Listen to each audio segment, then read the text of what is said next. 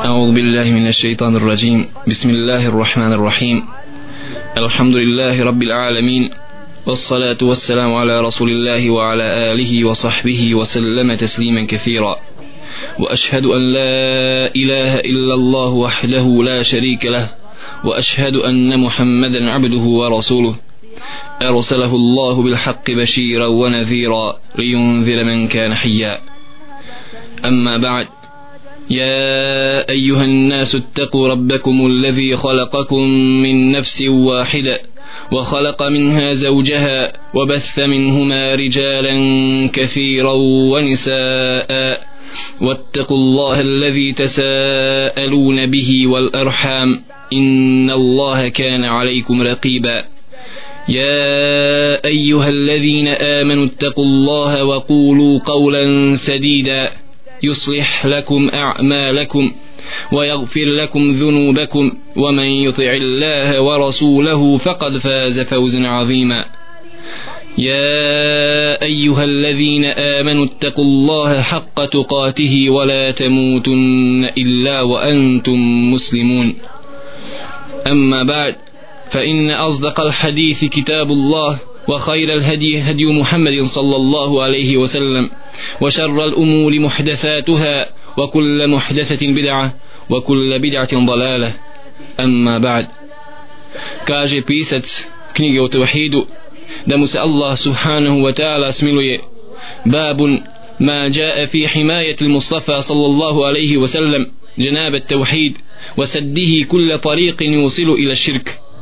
فوق لابلي كوي govori o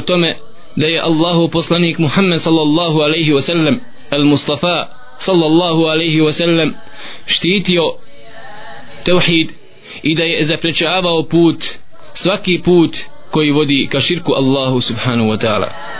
Pisac knjige o tevhidu je spomenuo Allahu poslanika sallallahu alaihi wa sallam sa imenom Al-Mustafa sallallahu alaihi wa sallam što znači odabranik a nema sumnji da je Muhammed sallallahu alaihi wa sallam odabranik kao što je kao što su i ostali poslanici odabranici od ostalog čovječanstva jer poslanstvo risalet ili nubuvet jeste odabir selekcija od strane Allaha subhanahu wa ta'ala jer poslanici nisu bivali poslanicima sa svojom željom i sa svojim nijetom sa svojim mozgom ili svojim trudom. Ne draga braćo i sestre to je odabir to je selekcija to znači ime Mustafa. Kako kaže uzvišeni Allah subhanahu wa ta'ala Allahu yastafi min al malaikati rusula wa min al nas. Allah je taj koji odabire koji pravi selekciju kada bira poslanike bilo od meleka ili od ljudi tako je uzvišeni Allah odabrao Resule iznad ostalih ljudi a od njih odabrao je Ulul Azm kao što je odabrao nakon njih Al-Anbiya poslanike a onda izabrao je iskreni siddiqin zatim šehide a nakon toga dobre ljude. E ovo draga braćo i sestre najodabranije biće od potomaka Adama alaihi salam. Muhammed salavatullahi wa salamuhu alaihi je štitio tevhid štitio je jednoću u Allaha subhanahu wa ta'ala i nastojao je da zapriječi put ashabima put koji bi ih eventualno sa bilo koje strane mogao odvesti u najveći grijeh širk Allahu subhanahu wa ta'ala. Zato je Allahu poslanik Muhammed sallallahu alaihi wa sallam nastojao da što više objasni vjeru ashabima kako bi je razumjeli. A svaki grijeh koji bi eventualno se desio od strane ashaba izuzetno je puno bolio Muhammeda sallallahu alaihi wa sallam. A nema sumnje da ga je najviše bolio širk i kufr njegova naroda. Zato uzvišeni Allah subhanahu wa ta'ala je ukorio Allahu poslanika sallallahu alaihi wa sallam riječima la'allaka bakhirun nafsak. Zar ćeš ti svisnuti? Zar ćeš umrijeti od tuge zbog toga što oni neće da vjeruju? Međutim Allahu poslanik sallallahu alaihi wasallam siljem da zaštiti svoj narod da ga odvedi u džennet da mu pokaže put do dženneta a s druge strane da mu zapriječi put do džahannama koji znači put do širka. Padalo mu je teško kada bi vidio svoj narod u kufru i širku. Allahu subhanu wa ta'ala. Kao što mu je bilo izuzetno teško da vidi nekog od svojih ashaba da je počinio nekih od grijeha Allahu subhanahu wa ta'ala. Zato Allah jalla še'nu kaže لقد جاءكم رسول من أنفسكم عزيز عليه ما عنتم doista zaista došao vam je poslanik od vas sami kome biva teško kada vidi nekog od vas da je pogriješio prema Allahu subhanahu wa ta'ala kada bi neko od ashaba pogriješio prema Allahu jalla še'nu to bi izuzetno teško padalo Allahu Allahovom poslaniku sallallahu alaihi wa sallam nije se Allahu poslanik sallallahu alaihi wasallam ljutio na ashabe ako bi pogriješili u odnosu na njega ali se je ljutio kada bi vidio nekog od svojih ashaba da je učinio grešku prema Allahu subhanahu wa ta'ala koja bi bila opasna po njegovu vjeru. I u ovome kuranskom ajetu uzvišni Allah u potvrđenom obliku sa tri potvrdne čestice jasno objašnjava Arapima i objašnjava čist, čitavom čovječanstvu da je došao Allahu poslanik Muhammed sallallahu alaihi wa sallam opisao ga je sa poslanikom. Opisao ga je da je on od jedan od Arapa ali ga je opisao sa osobinom da je on izuzetno osjećajna ličnost da ga boli ono što bi eventualno pogriješio neko od njegovih sljedbenika.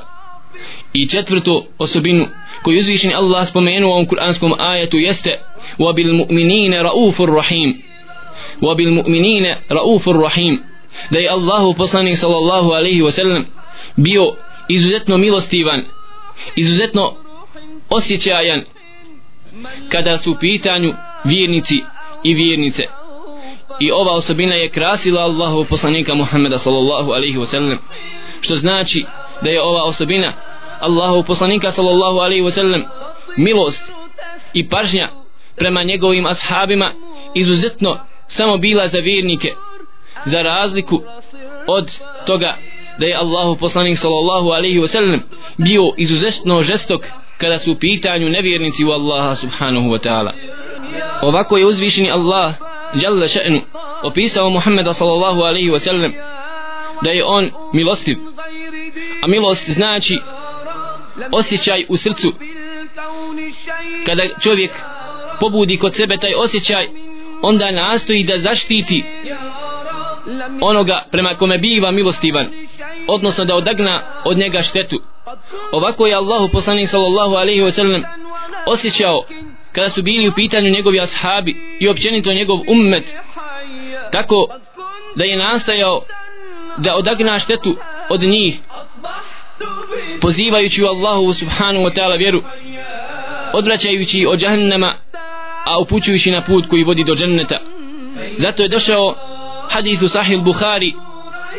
da je Allahu poslanik sallallahu alaihi wa sallam opisao sebe primjer sebe i primjer svoga ummeta kao čovjek koji je došao oko vatre došao kod vatre i nastoji da otjera mušice koji su krenule ka svjetlu misleći da je to dobro da je to toplo za njih tako je Allahu poslanik sallallahu alaihi wasallam opisao sebe u odnosu na svoj ummet da je on taj koji odvraća iz ljubavi prema svom ummetu odvraća svoj ummet od vatre ali oni kao mušice lete na vatru lete u džahannam ovdje je Allahu poslanik Muhammed sallallahu alaihi wasallam opisan sa svojstvom milosti. Ali draga braćo i sestre treba da znamo da je ta milost onakva kakva je dolična čovjeku jer je on bio čovjek. Za razliku gdje Allah subhanahu wa ta'ala sebe kao gospodara nebesa i zemlje opisuje kao takođe ar-Rahman i ar-Rahim da je on milostiv. Nema sumnje draga braćo i sestre da je vjerovanje ehli sunnata wal džema'a da nijukom slučaju milost Allaha subhanahu wa ta'ala ne može se porediti sa bilo čijom milošću od njegovih stvorenja. Jer pogledajte hadith Allahu poslanika sallallahu alaihi wa sallam koga bilježi imam i Buharija i Muslim da je rekao inna lillahi mijetu rahme da Allah subhanahu wa ta'ala ima stotinu vrsta milosti i da je od tih stotinu dijelova svoje milosti jednu podijelio na svoja stvorenja od Adema alaihi selam do sudnjega dana. Tako da mi vidimo sa tim jednim dijelom milosti Allaha subhanahu wa ta'ala koji je prosuo na svoja stvorenja vidimo kako majka biva milostivna prema djetetu kako dijete biva milostivno prema majci brat prema sestri sestra prema bratu i vidimo kako životinja biva milostivna prema svome mladunčetu. I tako ljudi bivaju milostivni jedni prema drugima sve do sudnjega dana sa samo jednim dijelom o stotinu dijelova milosti Allaha subhanahu wa ta'ala. A 99 dijelova ove milosti Allah subhanahu wa ta'ala je pohranio za sudni dan kada budu ljudi ustali pred njega da polažu račune zato je pravilo ehli sunnata wal jamaa da Allahova svojstva da Allahova imena nisu ničemu slična da nijukom slučaju ne smije čovjek porediti i usporediti bilo šta od Allahovi imena i Allahovi svojstava sa njegovim stvorenjima da nas Allah subhanahu wa ta'ala sačuva od toga. Kako kaže uzvišeni Allah lejse ke mitli šej on Allah ničemu nije sličan. Tako da Allahu poslanik sallallahu alaihi wasallam biva milostivan ali ni u kom slučaju ni u kom slučaju da njegova milost može biti slična sa Allahom subhanahu wa ta'ala. Allahom poslaniku Muhammedu sallallahu alaihi wasallam kako kažu komentatori Kur'ana u tumačenju ovog kur'anskog ajeta Allahom poslaniku Muhammedu sallallahu alaihi wasallam je izuzetno teško padalo takođe kada bi vidio da su ashabi u nekoj teškoći u nekoj tegobi zato je Allahu poslanik sallallahu alaihi wasallam rekao za sebe bu'istu bil hanefije as-samha. Ja sam poslan ummetu sa lahkom vjerom. Ovako draga braćo i sestre ova vjera vjera islamska kojim je došao Allahu poslanik sallallahu alaihi wasallam jeste došla da olakša ljudima yuridu Allahu bikum al-yusra wa la yuridu bikum al-usra Allah želi da vam olakša a ni u kom slučaju da vi poteškoća imate. Ovako kaže Allahu poslanik sallallahu alaihi wa sallam u vjerodostojnom hadithu inna hadha ad-din yusr. Ova vjera je lahka. Zato je naredio naredio je svome ummetu wa wala tunfiru obradujte a nemojte rastjeravati ljude. Govorite ljudima lijepe stvari nastojite da im olakšate Allahu subhanahu wa ta'ala vjeru. Međutim veoma često draga braćo i sestre ljudi misle da je olakšanje ako halale ono što je Allah subhanahu wa ta'ala haramio ili ako harame ono što je Allah subhanahu wa ta'ala halalio zato nekada teško čovjeku iz njegovog ugla izgleda neki Allahu propis težak međutim ni u kom slučaju draga braćo i sestre problem je u tebi problem je u tvojoj duši problem je u tvom svatanju Allahove subhanahu wa ta'ala vjeri problem je u tvojim grijesima koji se nakupio u svome srcu pa ti određeni Allahov propis izgleda težak. Ali ni u kom slučaju treba da znaš da je ovo Allahova vjera za koju je Allahu poslanik sallallahu alaihi wasallam rekao da je ona lagana. Pa kako onda kako onda možeš misliti da je, neš, da je Allahova vjera teška? Zato veoma je bitno da se pojam lahkoći sa ispravnog aspekta sa aspekta s koje gleda Allah subhanahu wa ta'ala odnosno Kur'an kao Allahova knjiga i sa aspekta sunneta Allahu poslanika sallallahu alaihi wa sallam se definiše nešto što je lahko a šta nije kao što smo rekli u prethodnom dijelu. Shodno ovome rekao je Allahu poslanik Muhammed sallallahu alaihi wa sallam nije mi ponuđena nisu mi ponuđene dvije stvari a da nisam izabrao onu koja je lakša. Sve u cilju da olakša svome ummetu sve u cilju što ga je bolilo da vidi teškoću kod svojih ashaba. Shodno ovom bolu kojeg je osjećao Allahu poslanik sallallahu alaihi wasallam kada bi vidio da neki od njegovih ashaba pogriješi prema Allahu subhanahu wa ta'ala naveo je pisac knjige o tevhidu ovaj kuranski ajet u ovom poglavlju zato nema zato što nema sumnje da ako je neki grijeh boli u Allahu poslanika sallallahu alaihi wa sallam koji je počinjen od strani njegovih ashaba šta je tek koliko bi ga tek zabolilo da je vidio da neko počini širk Allahu subhanahu wa ta'ala ili da krene putem koji bi ga eventualno mogao približiti ili dovesti ka najvećem grijehu širku Allahu jalla še'nu u cilju zaštite tevhida u cilju zaprečavanja bilo kojeg puta koje bi samo mogao približiti koji bi samo mogao približiti čovjeka ka širku Allahu subhanahu wa ta'ala a kamoli dovesti do njega došao je hadith od Ebu Hureyri radijallahu ta'ala anhu koji kaže قال رسول الله صلى الله عليه وسلم لا تجعلوا بيوتكم قبورا ولا تجعلوا قبري عيدا وصلوا علي فإن صلاتكم تبلغني حيث كنتم da je rekao Allahu poslanik Muhammed sallallahu alaihi wa sallam la taj'alu buyutakum qubura nemojte učiniti vaše kuće kaburovima wala taj'alu qabri aida i nemojte učiniti moj kabur mjesto koje ćete neprestano posjećivati wa sallu alayya i donosite salavat na mene fa inna salatakum حيث haythu kuntum. Jer doista zaista vaš salavat dopire do mene ma gdje god vi bili. U riječima Allahu poslanika sallallahu alaihi wa sallam la taj'alu buyutakum qubura. Nemojte učiniti vaše kuće kaburovima. Kažu islamski učenjaci podrazumijeva sadržava u sebi ove riječi Allahu poslanika sallallahu alaihi wa sallam dvije stvari dvije zabrane a to je da nije dozvoljeno čovjeku da se ukopa unutar u svojoj, u svojoj kući. A druga zabrana odnosno preporuka Allahu poslanika sallallahu alaihi wasallam jeste da čovjek ne učini svoju kuću kaburom na taj način da ne klanja u njoj na file shodno tome preporučuje se preporučeno je i to je bila praksa Allahu poslanika sallallahu alaihi wasallam da je obavljao na file u svojoj kući. Shodno ovome što smo rekli odnosno dokaz za ovo što smo rekli jeste hadith od Buharije i muslima od Zaid ibn Thabita radijallahu ta'ala anhu da je Allahu poslanik sallallahu alaihi wasallam rekao efdalu salati al-mar'i fi bejti illa al-maktuba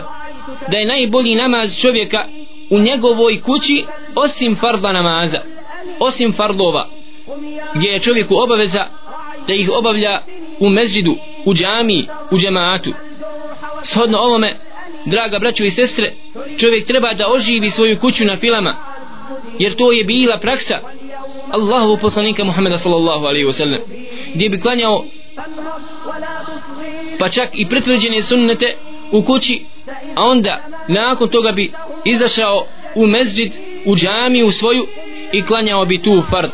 Ako bi bilo na fila bilo sunneta pritvrđenih sunneta nakon farda vratio bi se u svoju kuću i ponovo bi klanjao. Do te mjere da imate islamski učenjaka recimo koji kažu da je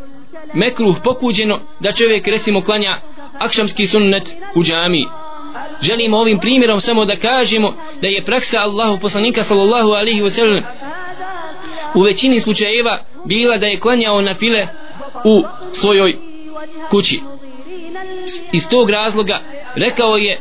ove riječi zabranio je da se učini kuća u kojoj čovjek stanuje da se učini praznom mrtvom kao kabur bez zikra Allahu subhanahu wa ta'ala bez namaza bez učenja Kur'ana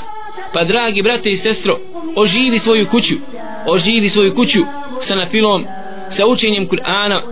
i prisjećanja na Allaha subhanahu wa ta'ala i kaže Allahu poslanik Muhammed sallallahu alaihi wa sallam ولا تجعلوا قبري عيدا i nemojte učiniti moj kabur za mjesto kod koga ćete neprestano dolaziti i moliti Allaha subhanahu wa ta'ala odnosno nazivati mi selam. Jer draga braćo i sestre pogledajte što kaže za toga. Odmah Allahu poslanik sallallahu alaihi wa sallam wa sallu alaije fa inna salatakum tabluguni ma kuntum. Nego donosite salavat na mene jer vaš salavat dopiri do mene ma gdje god vi bili. Tako da onaj koji kaže u ovom momentu alaihi salam ili kaže sallallahu alaihi wa sallam ili kaže Allahumma salli ala Muhammad wa ala ali Muhammad kama sallaita ala Ibrahima wa ala ali Ibrahim innaka hamidun majid. Ko donese salavat na Allahu poslanika sallallahu alaihi wa sallam bez obzira što je kabur Allahu poslanika sallallahu alaihi wa sallam daleko 5, 6 ili 7 hiljada kilometara od ovoga mjesta do njega, do Allahu poslanika sallallahu alaihi wa sallam dopire salavat ma gdje god bi bili. Shodno tome kada je jedan od ispravnih prethodnika vidio čovjeka koji je došao blizu kod kabura blizu kod kabura rekao mu je o ti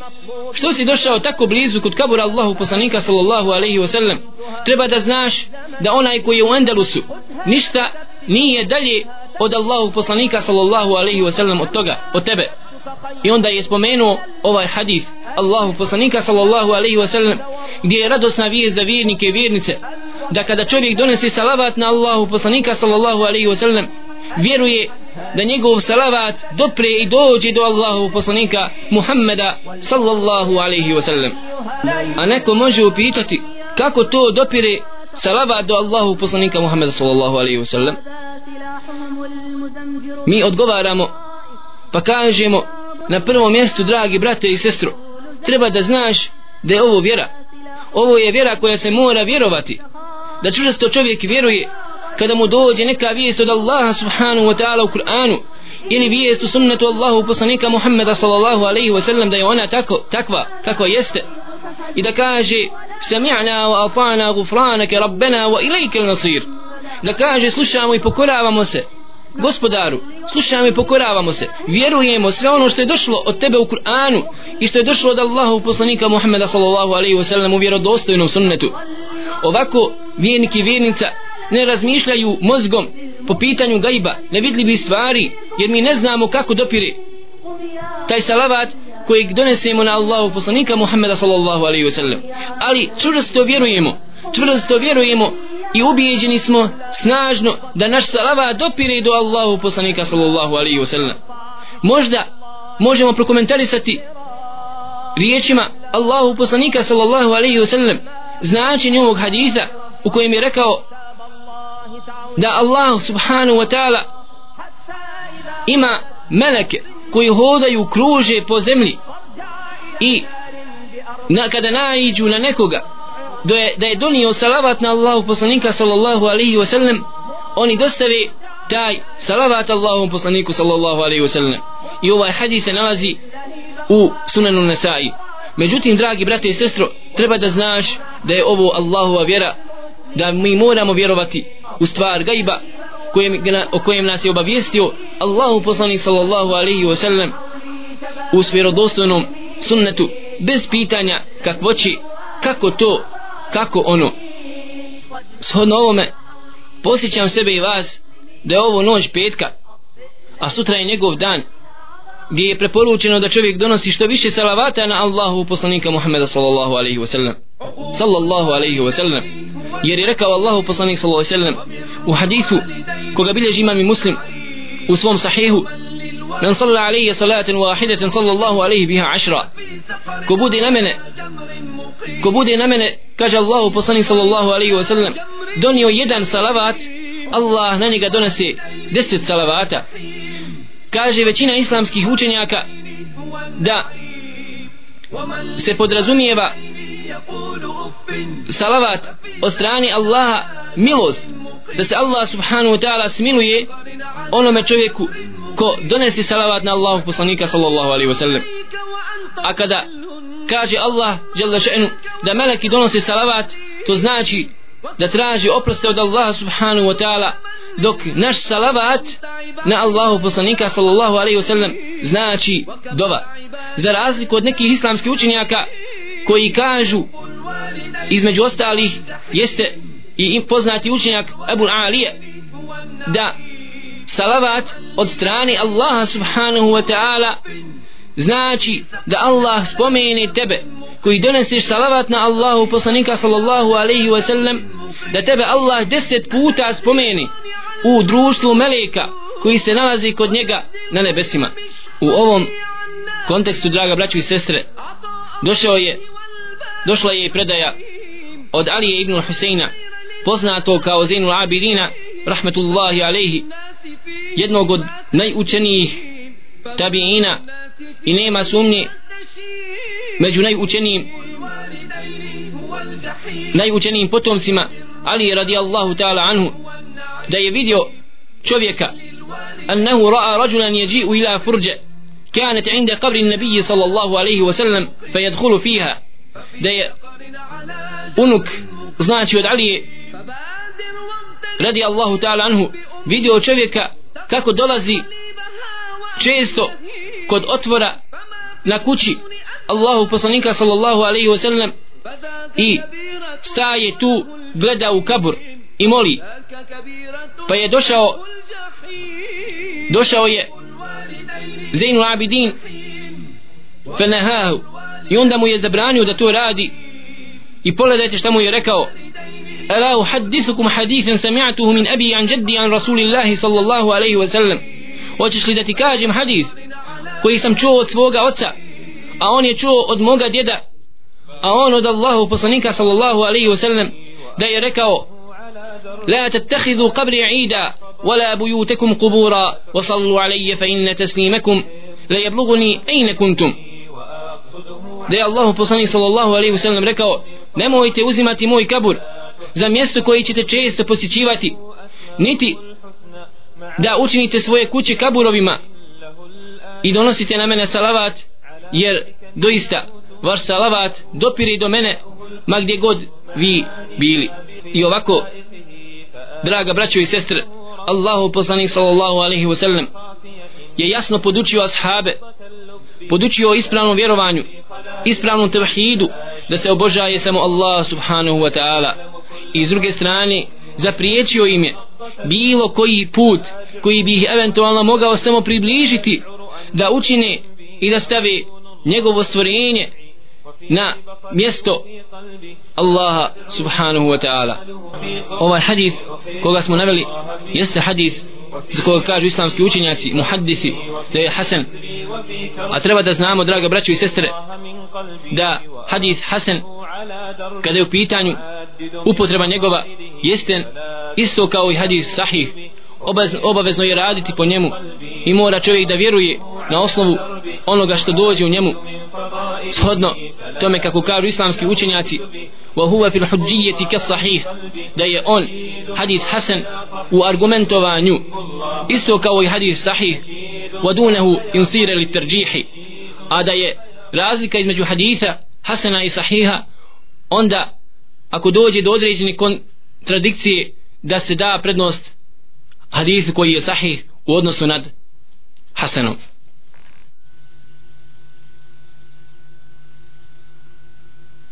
Molim uzvišenog Allaha subhanahu wa ta'ala da oprosti nama i vama da oprosti našim roditeljima